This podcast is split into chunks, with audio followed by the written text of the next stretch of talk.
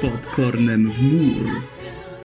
Cześć, witam Was bardzo serdecznie w kolejnym odcinku Popcornem w mur, a tym razem zajmiemy się filmem, który uchodzi za jeden z najbardziej popularnych i docenianych klasyków lat 50., czyli oczywiście Buntownik bez powodu. Ale zanim jeszcze przejdę do samego filmu i jego omówienia, Chciałbym powiedzieć kilka słów na temat y, pewnej tendencji w kinie, jaka była już wtedy i wcześniej, ale też jaka cały czas jest obecna y, przy produkcji nie tylko filmów pełnometrażowych, ale też seriali, a szczególnie oper mydlanych. I mowa jest o tym, co w literaturze naukowej przez pana Przylipiaka nazywane jest y, kinem stylu zerowego, czy ogólnie bardzo szeroko ujmując ten temat, zważywszy, że dotyczy to też seriali, po stylem zerowym. Nie będę tutaj w tym momencie streszczał i przytaczał wszystkiego, co jest związane z tym pojęciem tych wszystkich cech. O tym zresztą myślę, że nawet można byłoby być może nakręcić oddzielny odcinek. Tutaj chciałbym jednak skupić się na kilku poszczególnych elementach, które, jak mi się wydaje, będą mieć znaczenie właśnie w kontekście buntownika bez powodu, mm, o elementach, które budowały mm, amerykańską e, stylistykę tworzenia filmów wtedy, które, jak wspomniałem, także dzisiaj stanowią często jeden z e, istotnych elementów, z ważnych myśli e, przyświecających e, produkcji e, danego filmu. To, co jest bardzo istotne, to podejście do filmu jako do takiego dzieła, w którym widz ma zwracać uwagę przede wszystkim na fabułę. To znaczy na historię, która jest przedstawiana mu przez pryzmat siużetu. E, I tutaj od razu chciałbym też te dwa pojęcia wyjaśnić i rozróżnić. E, to znaczy, siużet to jest to, co faktycznie widzimy na ekranie. Fabuła jest pojęciem znacznie szerszym. Fabuła mm, to jest też kontekst, którego e, w filmie nie zobaczymy. Mm, można podać taki przykład, że gdyby nakręcić teraz kogoś, kto wychodzi ze swojego mieszkania na Kazimierzu, jest cięcie, a w następnym ujęciu widzimy go już na rynku, to to jest fabuła. To znaczy, fabułą jest to, że my jako widzowie przyjmujący daną fabułę, e, daną narrację, e, zdajemy sobie sprawę z tego, że za tymi drzwiami nie ma rynku krakowskiego, tylko że on jakąś drogę musiał przebyć. Czyli to jest pewna forma e, tej historii, którą widz niejako trochę sobie może nawet w pewnym stopniu dopisać, e, uzupełnić w swojej świadomości. No a siużet to jest właśnie to, co bezpośrednio widzimy na ekranie, czyli w tym wypadku wyjście z mieszkania w, na Kazimierzu, w dzielnicy Kazimierz i dalej już e, przejście bezpośrednie na rynek i to, co się tam na tym rynku będzie dalej działo. I to, co jest charakterystyczne dla tego stylu, to bardzo wyraźne rozróżnienie na to, co jest obiektywne, to, co jest y, taką bardzo y, realną sferą tej rzeczywistości, na to, co ewentualnie byłoby subiektywne. Y, to jest film stylu zerowego, w którym bohater, zgodnie z tym, co wyznawano, zwłaszcza wtedy w tym tak zwanym okresie klasycznym Hollywoodu, nie może patrzeć prosto w kamerę. Dzisiaj ten zabieg jest bardzo popularny w różnych produkcjach e, i pobudki, jakimi kierują się twórcy, e, stosując ten zabieg, też są przeróżne. Wtedy to uchodziło za absolutnie szkolny błąd i stosowanie tego było niewłaściwe. Więc y, dochodzimy do takiej konkluzji już na podstawie tego, że niewiele się będzie działo na, na samej płaszczyźnie formy i faktycznie tutaj oczywiście jest sama fabuła pod kątem tej narracji, tutaj y, nie ma żadnych fajerwerków, jeżeli idzie o formę, dlatego że ona ma nas nie rozpraszać, my się mamy skupić na tej historii, która jest nam mm, opowiadana, my nie mamy zwracać uwagi na żadną formę, ona ma być praktycznie niewidoczna. Y, my, można powiedzieć, patrzymy na to wszystko, co się dzieje jak przez taką dziurkę od klucza w pewnych nawet aspektach. I nie mamy prawa, powiedzmy, jako widz, odbierając taką produkcję, zdawać sobie sprawę z tego, że jest to jakaś forma e, manipulacji twórczej, że w ogóle dane dzieło powstało i wygląda w określony sposób. To wszystko ma być w miarę naturalne, e, czyli można powiedzieć, e, że mm, kierują się taką samą myślą ci, którzy obecnie tworzą właśnie opery mydlane, na przykład M jak Miłość albo Klan. Tam też nie ma nigdy żadnej formy. Tam jest tylko sama treść, tam jest sama narracja, a formy, no to tam oczywiście jest tyle, co kot napłakał i czy to w klanie, czy to w plebanii złotopolskich, e, modzie na sukces i tak dalej, też nikt nigdy nie będzie patrzył prosto do kamery, e, więc nie nawiąże żadnego kontaktu z odbiorcą, który znajduje się po drugiej stronie ekranu. I w takiej rzeczywistości tworzenia filmów wyszedł w latach 50., a dokładnie w 1955 roku Buntownik bez powodu, wyreżyserowany przez Nikolasa Reja i to jest twórca, który można tak powiedzieć, był twórcą mm, próbującym mm, produkować filmy, e, tworzyć filmy niezależne na poziomie społecznym, niezależne na poziomie kulturowym. Chodziło mu o to, żeby przełamywać określone mity społeczne, żeby tworzyć taką kontrkulturę w tych swoich filmach, żeby obalać e, pewne założenia, którymi e, kierowało się społeczeństwo w swoim myśleniu, żeby przedstawiać e, pewne zjawiska i pewne rzeczywistości, od strony, która jest bardziej namacalna niż na poziomie e, pobożnych życzeń. E, I w ten sposób, pomimo tego, że już e, wcześniej nakręcił kilka znanych, ówcześnie i docenianych filmów, najbardziej popularną, najba, największą popularność przyniósł mu oczywiście Buntownik bez powodu, a to z kilku powodów. Po pierwsze, zaangażował do tego gwiazdę, która wybiwszy się wówczas na takim filmie jak Na wschód od Edenu, powoli stawała się już pewnym symbolem tej młodzieży, można tak powiedzieć, w Hollywoodzie, czyli Jamesa Dina.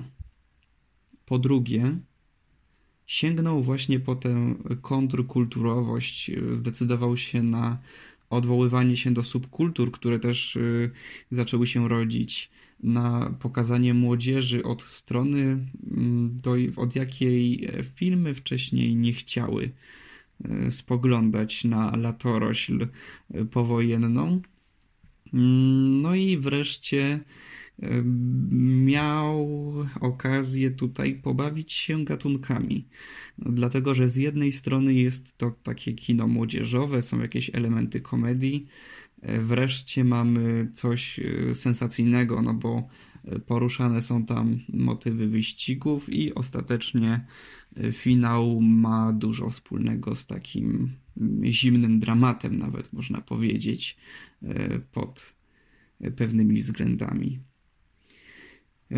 I oto w latach 50., tak jak wspomniałem, e, zalśniła gwiazda Jamesa Dina, który otrzymał rolę e, w filmie Nicolasa Reya. Jak powiedziałem, był już wcześniej kojarzony i dobrze odebrany za rolę w Na wschód od Edenu, ale nie jest to osoba, która tę rolę zgarnęła od tak. To znaczy, był ktoś, kto jeszcze przed nim pretendował do tej głównej roli w Buntowniku bez powodu, kto już wtedy od jakiegoś czasu dobrze kojarzył się odbiorcom, kto do dzisiaj kojarzy się być może nawet jeszcze lepiej, y, patrząc przez pryzmat tych kolejnych ról, które przyszło mu jeszcze w życiu zagrać, a mowa jest o Marlonie Brando. I nawet w internecie możecie znaleźć nagranie, na którym jest przesłuchiwany mm, właśnie pod kątem tej potencjalnej roli, potencjalnego zatrudnienia w filmie pana Reya. I trwa to około kilku minut. Z tego powstała zresztą masa gifów, no bo to był taki okres, kiedy Marlon Brando miał bodajże 23 lata, był młodym, obiecującym aktorem o nieskazitelnej aparycji i wielkiej charyzmie. No, ale ostatecznie rolę dostał James Dean, który um, wizerunkowo był pod wieloma względami może nie przeciwieństwem, ale zdecydowanie jego sposób przedstawiania postaci szedł w nieco inny biegun niż e, kierunek, którym podążał Brando. E, dlatego, że mm, Dean gra w sposób który jest bardzo dynamicznym przechodzeniem z jednej emocji w drugą, najczęściej ze skrajnych emocji. To jest postać yy, odgrywana przez Dina, czy to tutaj, to znaczy w buntowniku, czy to na wschodzie, czy to na wschód od Edenu. Yy, to jest postać, która yy, jest trochę taka neurotyczna która w pewien sposób jest ostatecznie i spolegliwa, która ulega, można powiedzieć, i to niektórzy zresztą wiążą z tym, że James Dean był biseksualny i miał z tego, co wynika, najprawdopodobniej romans z Marlonem Brando, który aż tak spolegliwy nie był. I mm, w ten sposób jego kreacja jako takiego z jednej strony bardzo wyluzowanego, e, z melancholijnym spojrzeniem, a z drugiej strony e, takiego neurotycznego, e, bardzo chwiejnego w tych emocjach bohatera, przeszła do popkultury. Do dzisiaj to jest, można powiedzieć, symbol takiego buntu, takiej młodzieżowej werwy. James Dean tej czerwonej kurtce jako buntownik e, bez powodu. Sam film ma bardzo prostą fabułę, to znaczy yy, główny bohater upija się, że ledwo stoi na nogach, trafia na komisariat, skąd odbierają go rodzice. Tam jest jeszcze paru innych nastolatków, którzy także mają problemy z prawem i w ten sposób wprowadzeni zostajemy w taką rzeczywistość tej młodzieży, która nie jest pokazywana tak cukierkowo, jak to miało miejsce do tej pory w różnych produkcjach. Tylko właśnie pokazuje nam się tych młodych jako grupę, która z jednej strony próbuje obalić zasady narzucone przez dominujące, czyli starsze pokolenie, E, z drugiej strony ma swoje marzenia, ma swoje e, pomysły na to, e, jak to życie i młodość przeżyć. Jest pełna potrzeby różnych wrażeń. Mm, I jest to taka młodzież pełna konfliktów wewnętrznych między jakimś wewnętrznym poczuciem honoru tego, jak chce się być odbieranym, jednocześnie, żeby e, powiedzmy wyjść ładnie z twarzą. E, a z drugiej strony jest w tym coś takiego, mm, co nasuwa skojarzenia z pewną, z pewną brawurą, która nie zawsze jest dobrze przemyślana. I w tej rzeczywistości pojawia się nowy bohater, który jest właśnie grany przez Jamesa Deana. Jego postać, której imię i nazwisko raczej łatwo zapamiętać, bo nazywa się Jimmy Stark, e, próbuje odnaleźć się w tej nowej rzeczywistości, dlatego że e, przeprowadził się wraz z rodzicami do kolejnej miejscowości, ponieważ z każdej poprzedniej go wyrzucano ze szkoły. Jak łatwo się domyślić, kiedy już zobaczymy go na ekranie, to jest taki wbrew pozorom agresywny chłopak, który co prawda z jednej strony jest bardzo y, uczuciowy, wrażliwy i tę wrażliwość stara się na rozmaite sposoby ukazać mm, i dać jej upust, ale z drugiej strony jest w nim jakaś taka pewna forma młodzieżowej dzikości, którą stara się czasami okiełznać, czasem nie, a jak już próbuje, to nie zawsze mu to wychodzi tak dobrze. I największym, tak się wydaje, problemem dla niego jest y, akceptacja ze strony rodziców, akceptacja ze strony środowiska. Y, I takim sztandarowym, można powiedzieć, elementem tej produkcji jest y, jego obawa przed nazywaniem go cykorem, tam chickenem jest to dosłownie bodajże powiedziane po angielsku. I można powiedzieć, że ilekroć ktoś w tym filmie nazywa go tym chickenem, to automatycznie w, James, w Jamesie Deanie w tej roli Jima Starka e, włącza się taki agresor, który e, za wszelką cenę musi teraz udowodnić wszystkim dookoła, a szczególnie temu, który go sprowokował, że tym chickenem nie jest, że jest oczywiście wart swojej ceny, jest bardzo wartościową osobą na wielu płaszczyznach, że jest odważny, mm, że nie boi się posunąć do e, głupich, tak naprawdę, patrząc na to z boku rzeczy. I doprowadzi go to oczywiście do wielu problemów. E, zresztą, zważywszy na to, że główny bohater e, jest kojarzony w popkulturze być może między innymi dlatego, że odgrywający go aktor zmarł niezwykle szybko, dlatego że mm, film miał premierę w październiku 55 roku, a Dean zmarł we wrześniu w tragicznym wypadku samochodowym.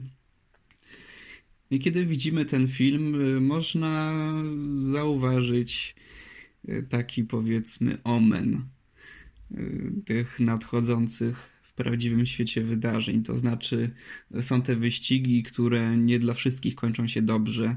Y, jest ten Dean, który w tych wyścigach bierze udział i który mówi, że y, tak naprawdę specjalnie nie przejmuje się tym, czy jechać bezpiecznie. On jedzie szybko, nic mu nie będzie i tak dalej. No, można powiedzieć, że jest to takie wtopienie się, być może być może jest to takie wtopienie się faktycznie e, tego aktora w swoją postać. E, czy tak faktycznie ostatecznie było, czy Dean był bardzo zbliżoną osobowościowo e, osobą do postaci Jima Starka? Ciężko ostatecznie powiedzieć. Faktem jest na pewno, że postać, którą stworzył, nie buntuje się wbrew tytułowi bez powodu. To znaczy, buntuje się przeciwko temu e, środowisku, w którym żyje, przeciwko takim patriarchalnym jeszcze zasadom, przeciwko swoim rodzicom, e, którzy narzucają mu określone reguły, e, często ze sobą wzajemnie sprzeczne. Na samym początku filmu jest taka scena, jeszcze bodajże na tym komisacie, Mm, kiedy matka mówi mu jedno, ojciec zaraz mówi drugie. E, Stark nie wytrzymuje i krzyczy na nich, że rozdzierają go po prostu od środka, dlatego że e, każde z nich e, o coś zwraca mu uwagę, każde o coś mu suszy głowę, ale jednocześnie są to rzeczy często sprzeczne, że ci rodzice na poziomie wychowania i określonych wartości, których od niego wymagają, nie mogą się między sobą samymi dogadać. I to jest jeden z największych problemów y, dla niego samego, bo pokazuje to pewien chaos, jakimi y, rządzą się y, te, jak główny bohater to odbiera, niepotrzebne zasady tego takiego bardzo normickiego, można powiedzieć, świata, tych sfer klasy średniej, która mm, ukształtowała się już ostatecznie w latach 50., zaraz po wojnie. I mamy tutaj bunt jego, mamy bunt jego koleżanki, z którą oczywiście to nie jest żadna tajemnica, to wiadomo praktycznie od samego początku będzie łączył go jakiś płomienny romans, który y, jak to w filmie tego typu pewnie skończy się tylko pocałunkiem z drugiej strony jest jeszcze kolega, który jest y, pewną taką cichą wodą. To znaczy, z jednej strony faktycznie mm, jest y, raczej spokojny, to znaczy nie okazuje raczej, nie okazuje z tych emocji bardzo gwałtownie, ale z drugiej strony widać, że wiele rzeczy się w nim buzuje i im bliżej finału, tym te rzeczy będą wychodziły na wierzch, niekoniecznie w taki sposób, w jaki można byłoby sobie tego życzyć od e, takiego nastolatka, a na pewno nie w taki sposób, w jaki chciałby Jim Stark i jego koleżanka, bo finał jest wyjątkowo specyficzny, tak jak powiedziałem, zakrawa o dramat. I z jednej strony jest to plus tego filmu, że mm, Ray faktycznie chciał się pobawić tymi gatunkami i to mu się rzeczywiście bardzo udało, ale z drugiej strony mam takie poczucie, że ten finał jest trochę taki mm, sztuczny, że coś w nim jest naddopowiedziane, że nie ma w tym takiej e, konsekwencji, która byłaby bardziej właściwa dla tego realizmu, e, w który piórka mm, próbują przystroić film twórcy.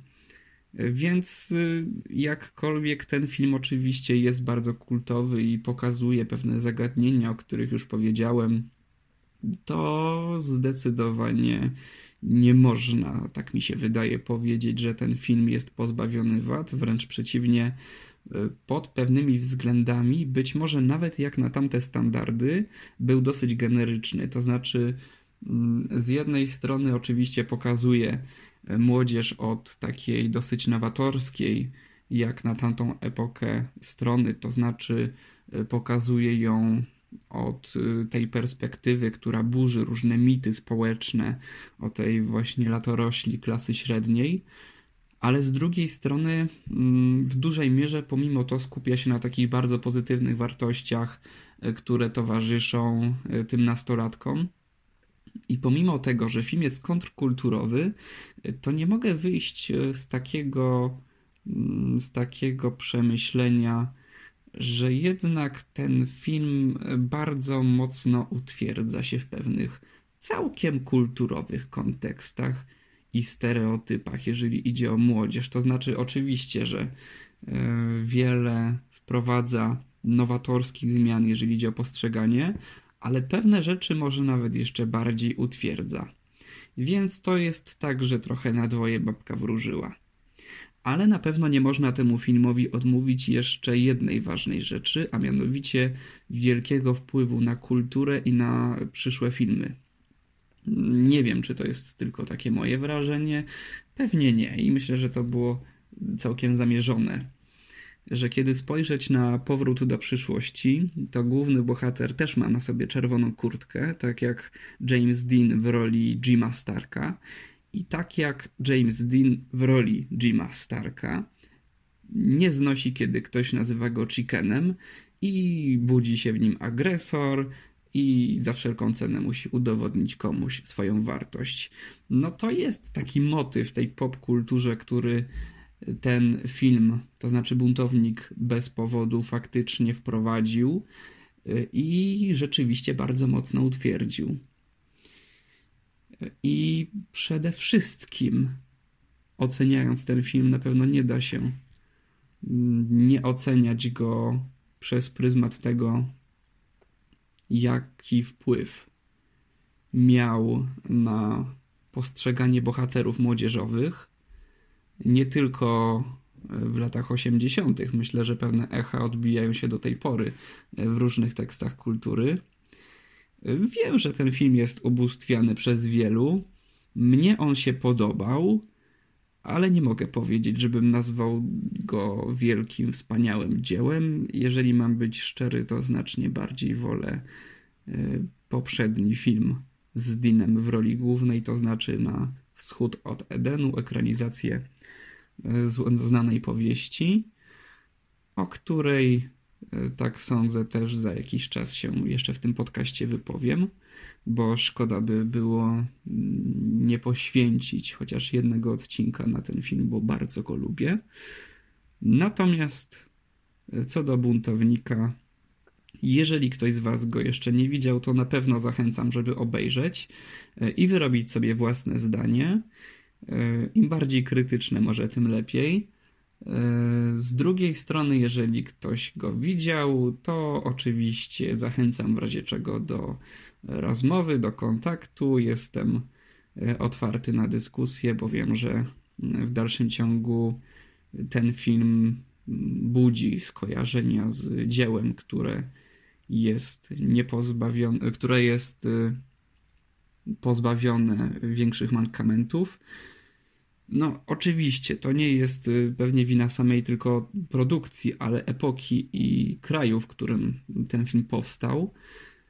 No, ale boli mnie naprawdę, że ten film jest pozbawiony formy. I to jest w ogóle mój zarzut do kina y, stylu zerowego, a więc mm, generalnie do okresu klasycznego. Nawet minęło z wiatrem, pomimo tego, że jest filmem dobrym, że jest filmem, który angażuje. No trochę pod tym kątem mnie to denerwuje. Ale jeszcze pewnie o tym y, będą poświęcone jakieś materiały, a tymczasem żegnam się z Wami na dzisiaj i do usłyszenia.